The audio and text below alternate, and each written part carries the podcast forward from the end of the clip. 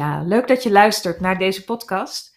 Een heel anders dan andere aflevering, want ik ga het niet hebben over online zichtbaarheid, over reputatie, communicatie, dat soort dingen. Maar ik ga mijn moeder interviewen over een ervaring die zij een aantal, uh, of best wel een tijdje geleden al heeft gehad. En die nu weer heel actueel is. Dus ik zeg eerst even welkom, mam. Dankjewel. um, ik, ik moest aan je uitleggen wat de podcast precies is. Ik zei, mag ik je interviewen voor een podcast? Um, en nu weet je het, want nu, nu zitten we hier met de microfoon.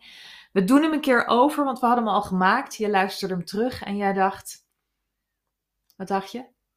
Wat een slome stem, dacht ik. Een beetje slaperige stem. Dus het doel is om het nu in een wakkere versie te vertellen. Het is, ook, het is natuurlijk een verhaal wat best een tijdje um, geleden is en ook een beetje is weggezakt. Waar gaat het over? Laten we dat eerst even vertellen voordat we van start gaan. In 2002, hè, eind, november, oktober. Ja, no, uh, eind uh, in november. Ja. Nee, oktober geloof ik. Nou. Ja, zoiets. Um, heb jij een gezin in huis genomen, een gezin uit Azerbeidzjan. En uh, dat waren politieke vluchtelingen uit Azerbeidzjan. Ze waren uh, toen ze bij jou in huis kwamen eigenlijk officieel uitgeprocedeerd. Dus de situatie is heel anders dan natuurlijk nu allemaal oorlogsvluchtelingen die op zoek zijn naar een veilig uh, heenkomen en een dak boven hun hoofd. Maar het is wel, ik, dacht, het is toch, um, jij hebt die ervaring van mensen in huis nemen. En het is interessant om jou daarover te ondervragen. Gewoon, misschien zijn er andere mensen die, die zich afvragen: hoe is dat om een vluchteling in huis te nemen? Of die overwegen om dat te doen, of die denken: van wat zijn nou de, de voor's en de tegens? Dus daar ga ik je over interviewen. Um, wetend dat de situatie heel anders is, maar uh, ja, ik ben, het, het, is wel een ervaring om, uh, om over te vertellen, in ieder geval. Dus laten we gewoon gelijk teruggaan naar 2002. Um, jij gaf, hoe, hoe, kwam je met ze in contact? Kan je dat als eerste uh, vertellen? Ze zaten in Egmond aan Zee, uh, in een uh, appartement van het COA, wat helemaal was in, bestemd voor vluchtelingen. en daar op, was een lokaaltje en daar gaf ik Nederlandse les aan andere, nou, ook vluchtelingen uit andere landen, maar ook aan, aan hun. En Rauf, die zat bij jou in de klas, hè? dat ja. was een van jouw leerlingen. Rauf is de man. En hij, um, zijn vrouw heet Sima, maar die, die zat niet in jouw uh, les. En ze hadden ook twee kinderen. El Turan, van, die was toen 12. Nee, ik zeg het verkeerd. Turkan was 12. Dat is een meisje. En een jonge El Turan, die was 15, 14 of 15. Ja, maar Rauf zat bij jou in de les. Dus die leerde jij kennen. Maar kende je de rest? Leerde je, leerde je die anderen ook kennen? Nou, na de les uh, ging ik daar soms wel uh, thee drinken. Of, uh, of nou, voor de gezelligheid, voor hun ook, vonden ze leuk. En ik vond het ook wel, vond het ook wel leuk. Ja, je had, je had al goed contact met ze. Ja. Maar toen, um, toen konden ze daar niet blijven waar ze zaten. Nee, want je zei politieke vluchtelingen, maar dat was niet helemaal duidelijk. Dat bleek niet helemaal goed uit hun papieren. Ja.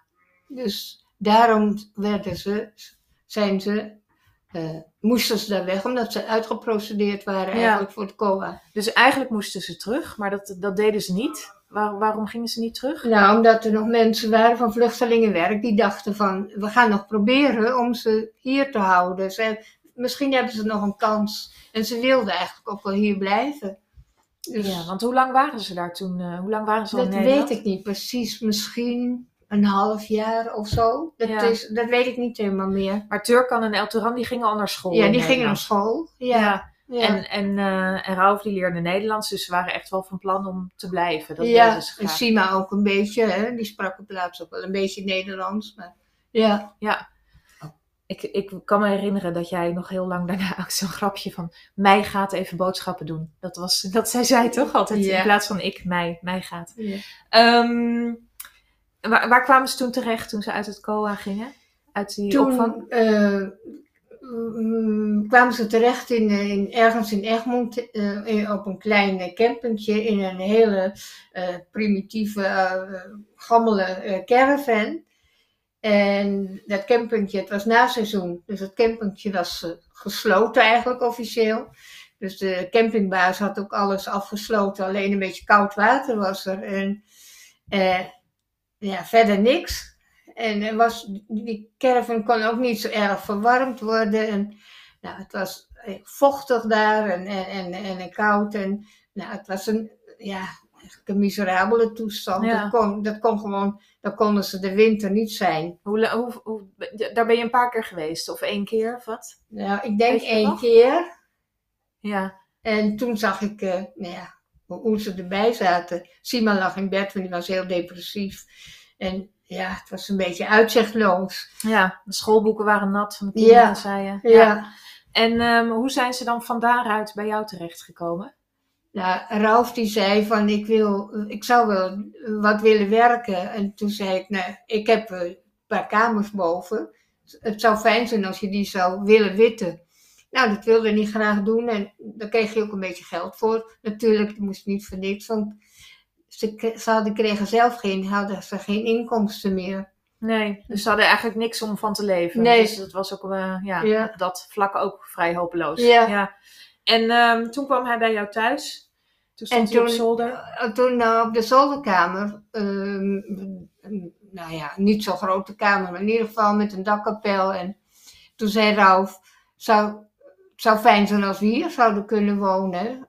Want dat is in ieder geval droog. En, en toen dacht ik, nou ja, die kamer staat vrij en leeg. Eh, Ja, dat, eh, daar kunnen ze misschien wel in. Bovendien dacht ik dat het voor een paar weken zou zijn. Dat had ik ook Ja. gehoord. Dat eh, want het is misschien goed om te weten. Jij woont nog steeds in hetzelfde huis. En dat is echt niet een heel groot huis. Dat is een rijtjeshuis, maar vrij, vrij eh, nou, het is een- klein, zeg maar. Ja, toen nog kleiner. Dus Toen nog kleiner. Ja, met één badkamer, ehm, een keuken en een, eh, nou, hè, ruim voor je eentje, voor jouzelf. Maar om een heel gezin op zolder eh, te zetten, dat was best wel krap. Toch? Ja, dat, Ja. Dat, was, dat was ook een noodoplossing natuurlijk. Ja. Het was niet, eh, het, het- het- ja, het zou ook niet voor lang zijn. Nee, kan je je nog herinneren toen ze kwamen, hoe die eerste dag was? Eh, ja, want toen kwamen ze met al hun spullen. Ik geloof dat mensen van de vluchtelingenwerk ze hebben eh, gebracht. En eh, toen hebben we meteen het- in de tuin allemaal lijnen gespannen om al hun kleren te drogen en hun boeken ja, te drogen. En nou, ze waren natuurlijk heel blij dat ze daar weg waren. Ja, ja taart ge- gehaald, zei je. Ja, en we hebben Ja. samen gegeten. Ja, Ja, en, en zij sliepen dus met z'n vieren op zolder. Ja ze sliepen Ja. met z'n vier op zolder. En, en woonden ze daar dan ook overdag? Of, eh, nou, ze, overdag waren ze ook wel vaak beneden. En ze, ze kookte ook, hè. De keuken is in de kamer.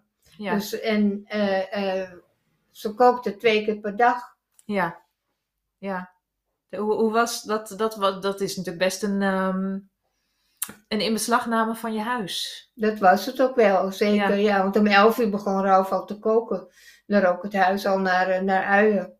Ja, had je daar dan, want je, je, je had ook kunnen zeggen, nou, eh, doe maar een boterham tussen de middag. Maar jij vond het oké dat ze dat deden. Hoe, ging, ging dat, zeg maar, een beetje organisch? Of maakte je daar afspraken Nou ja, over? Ik dacht van, het, het, is, het is toch niet voor lang. En laat ze maar eh, een beetje bijkomen ook, hè. Dat was het ook natuurlijk. Dat zij die situatie waren. En dan ga je niet meteen, tenminste ik niet, allemaal eh, eh, regeltjes eh, opstellen van dit mag wel en dat mag niet. Ja, Dus maar wat jij, ja, jij, jij begon eraan en je dacht, nou, misschien voor drie, vier weken, zoiets. ja, dat hadden ze gezegd. Ja, en, maar het werd langer. Het werd iets langer, ja. Het werd uiteindelijk twee jaar, maar dat, dat wist je toen natuurlijk niet. Want dat ging in, elke keer in stukjes. Ja, iedere keer proberen om, om te kijken of ze toch een, nog een, eh, een, eh, verblijfsvergunning zouden kunnen krijgen. Of er een weggetje was om, wat voor hun eh, goed zou uitpakken. Ja. Maar ja, dat was iedere keer was het een, een negatief bericht. Ja. En hoe, ehm, want op een gegeven moment moet je, hè, wordt het, is het niet meer voor eventjes, maar heb je echt een leven samen.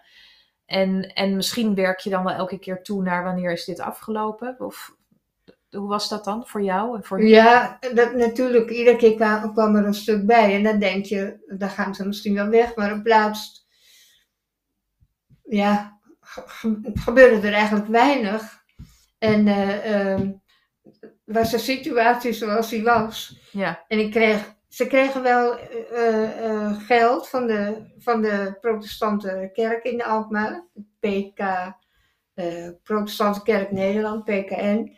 En eh, die mensen van een vluchtelingenwerk, die kwamen ook af en toe wel langs om te kijken hoe het met hun ging vooral. Niet hoe het met mij ging, Ja. maar hoe het met hun ging. Want jij kreeg niet nog enige vorm van begeleiding of iets. Nee, Nee. nee. nee. En ehm, je, je vertelde voor, voor deze opname, of in de vorige opname ook, ehm, dat dat eerste jaar dat dat eigenlijk best wel goed ging. En ook wel gezellig was. Je hebt eh, uitjes gemaakt met ze en toch? Hoe kijk Ja. je daarop terug? Ja, dat, dat was ook, het had ook wel iets gezelligs, vond ik ook wel. En het waren aardige mensen. Ze waren rustig en eh, ze, ze, ja, ze deden echt hun best om, om, om het voor mij ook eh, aanvaardbaar te maken. Behalve het koken dan, maar ja, dat nam ik dan maar voor lief, hè. Was lekker wat ze kookten. Ja, het was wel lekker en bijzonder soms, Ja, ja. ja. ja. Ehm, ja, ik stel allemaal vragen alsof ik, alsof ik eh, een vreemde van je ben. En dat is natuurlijk niet zo, want ik ben er in die tijd ook geweest. Minder vaak dan ik normaal bij je kwam, omdat het ook wel eh, druk was natuurlijk. En een heel groot deel van, van dit avontuur waar je over vertelt, was ik ook weg. Ik, wij gingen op wereldreis en eh, kwam in Nieuw-Zeeland terecht. Dus ik, vandaar dat ik het ook zo Hè, ik, heb, ik heb er wel herinneringen aan en ik heb ze ook wel leren kennen. En eh, nou, we hebben met jouw bootje ook gevaren met ze, want dat deed je ook af en toe hè, met ze, vertelde je. Ehm, dan ging je varen en barbecuen en eh, tennissen en uitjes en zo. Maar ik heb ook veel gemist ervan. Dus, eh, en, en ik denk ook dat het leuk is om echt als interviewer vragen te stellen natuurlijk. Dus vandaar deze vorm. Ehm, maar veranderde dat langzaam? Dat het van leuk naar pff, wanneer is dit afgelopen? Nou, dat, dat was eigenlijk alleen maar op het eind.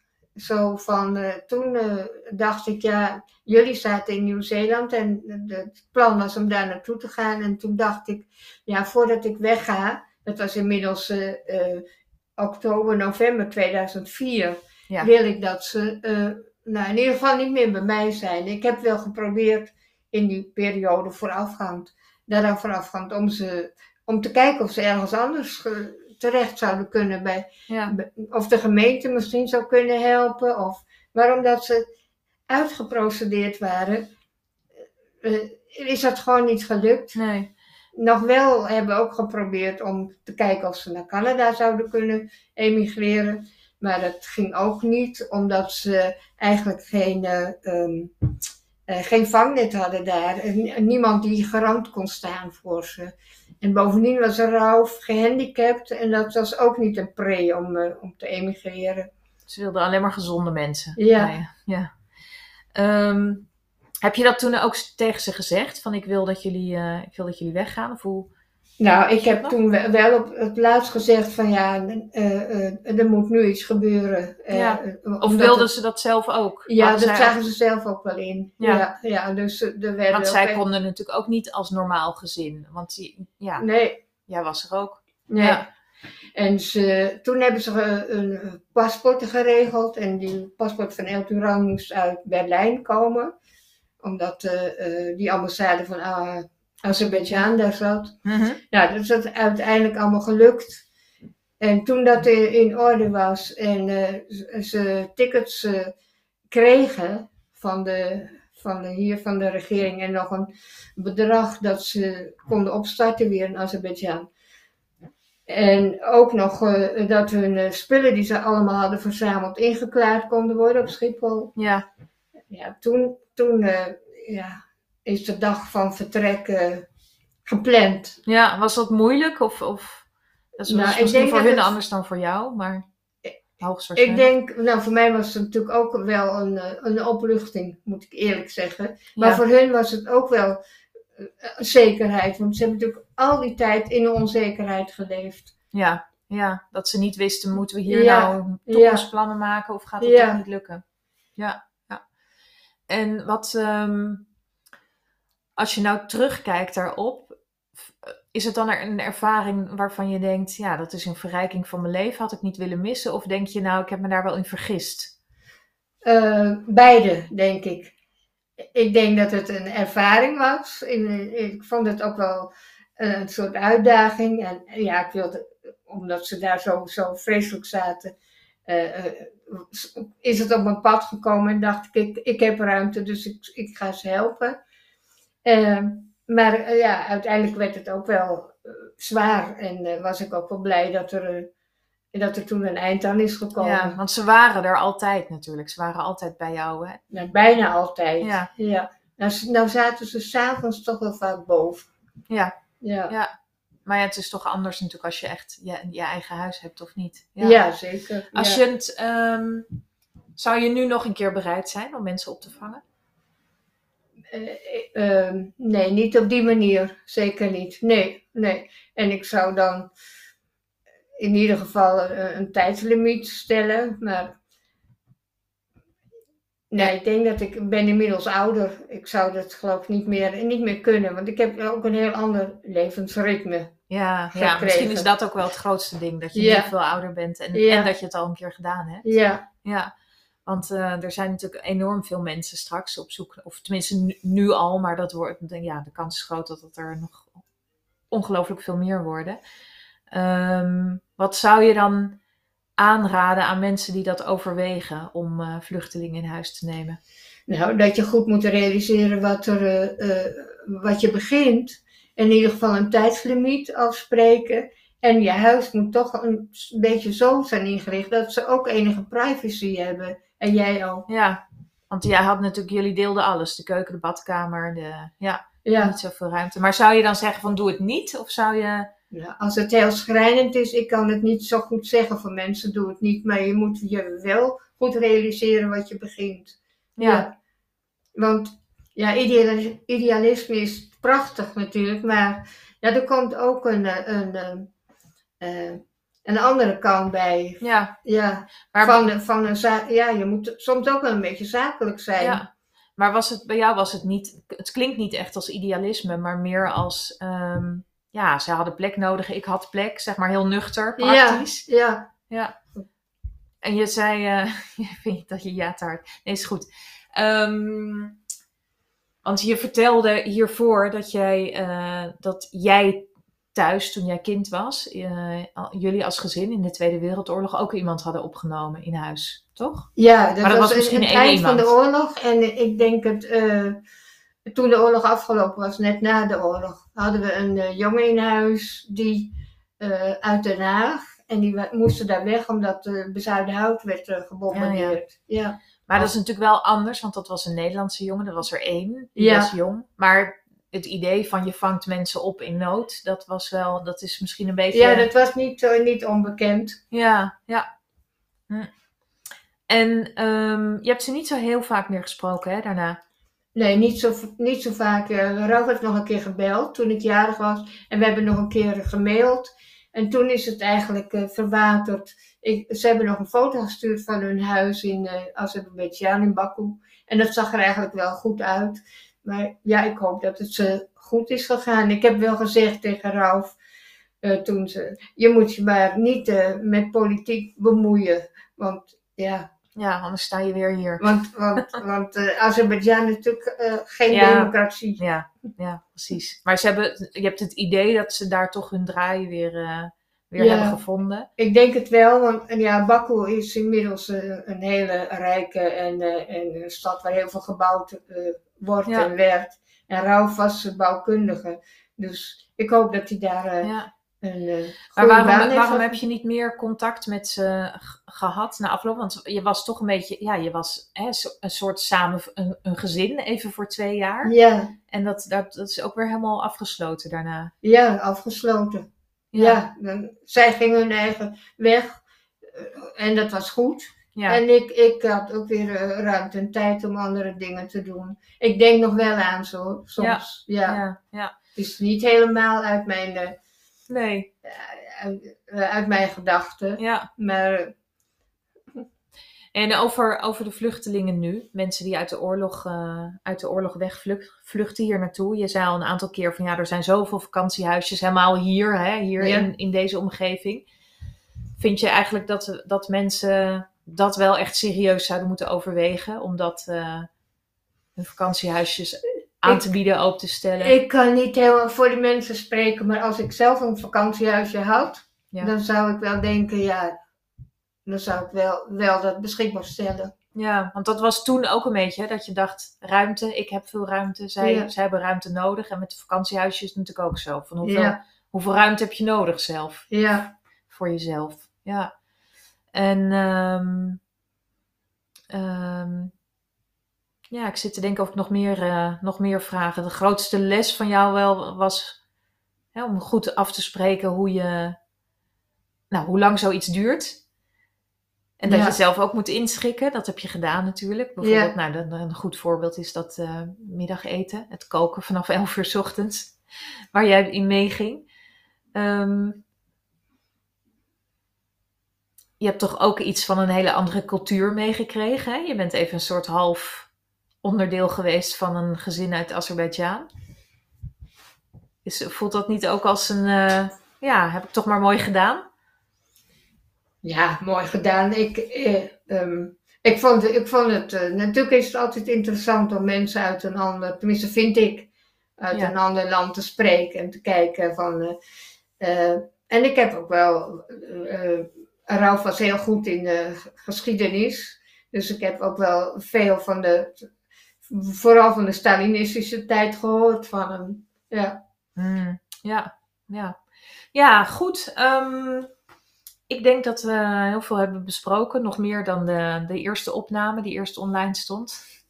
Ik zou Is ook- er nog iets wat je wil zeggen? Ja, ik wil hem wel zeggen dat eh, zowel Ralf als Sima, die hebben eh, toch wel eh, eh, wat geld verdiend. Sima had een paar werkhuizen hadden we geregeld. Dat is niet helemaal, dat was niet helemaal eh, werk wat ze nou zo leuk vond. Dus daar gooiden ze ook soms een beetje met de pet na. En dat is, dat waren ook mensen die waren niet, nou ja, die hebben gezegd van, we doen het voor jou, maar...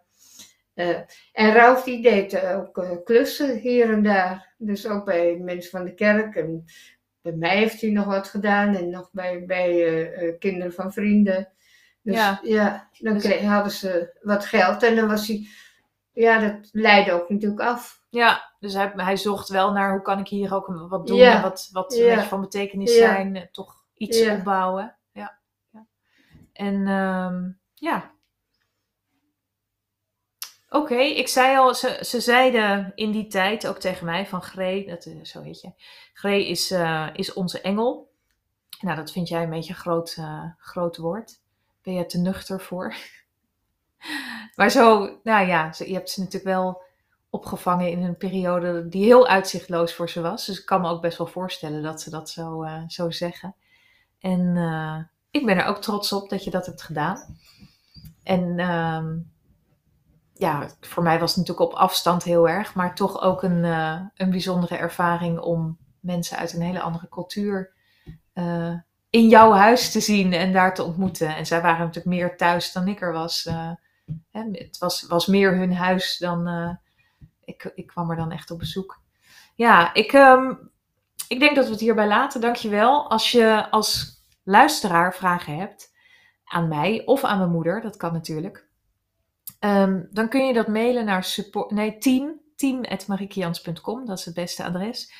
En ik ehm, hoop dat je nou, deze uitzending interessant vond of verrijkend vond. Of eh, Misschien gaf hij wel een, eh, een andere kijk op zaken. Of misschien ken je iemand die overweegt om vluchtelingen in huis te nemen. En eh, denk je, nou, het is misschien goed als iemand deze podcast hoort. Om van tevoren een beetje beter beslagen ten ijs te komen. Eh, deel hem vooral. En ik hoop, uh, nou dankjewel voor het luisteren en ik hoop je weer te ontmoeten in een volgend verhaal. Dankjewel.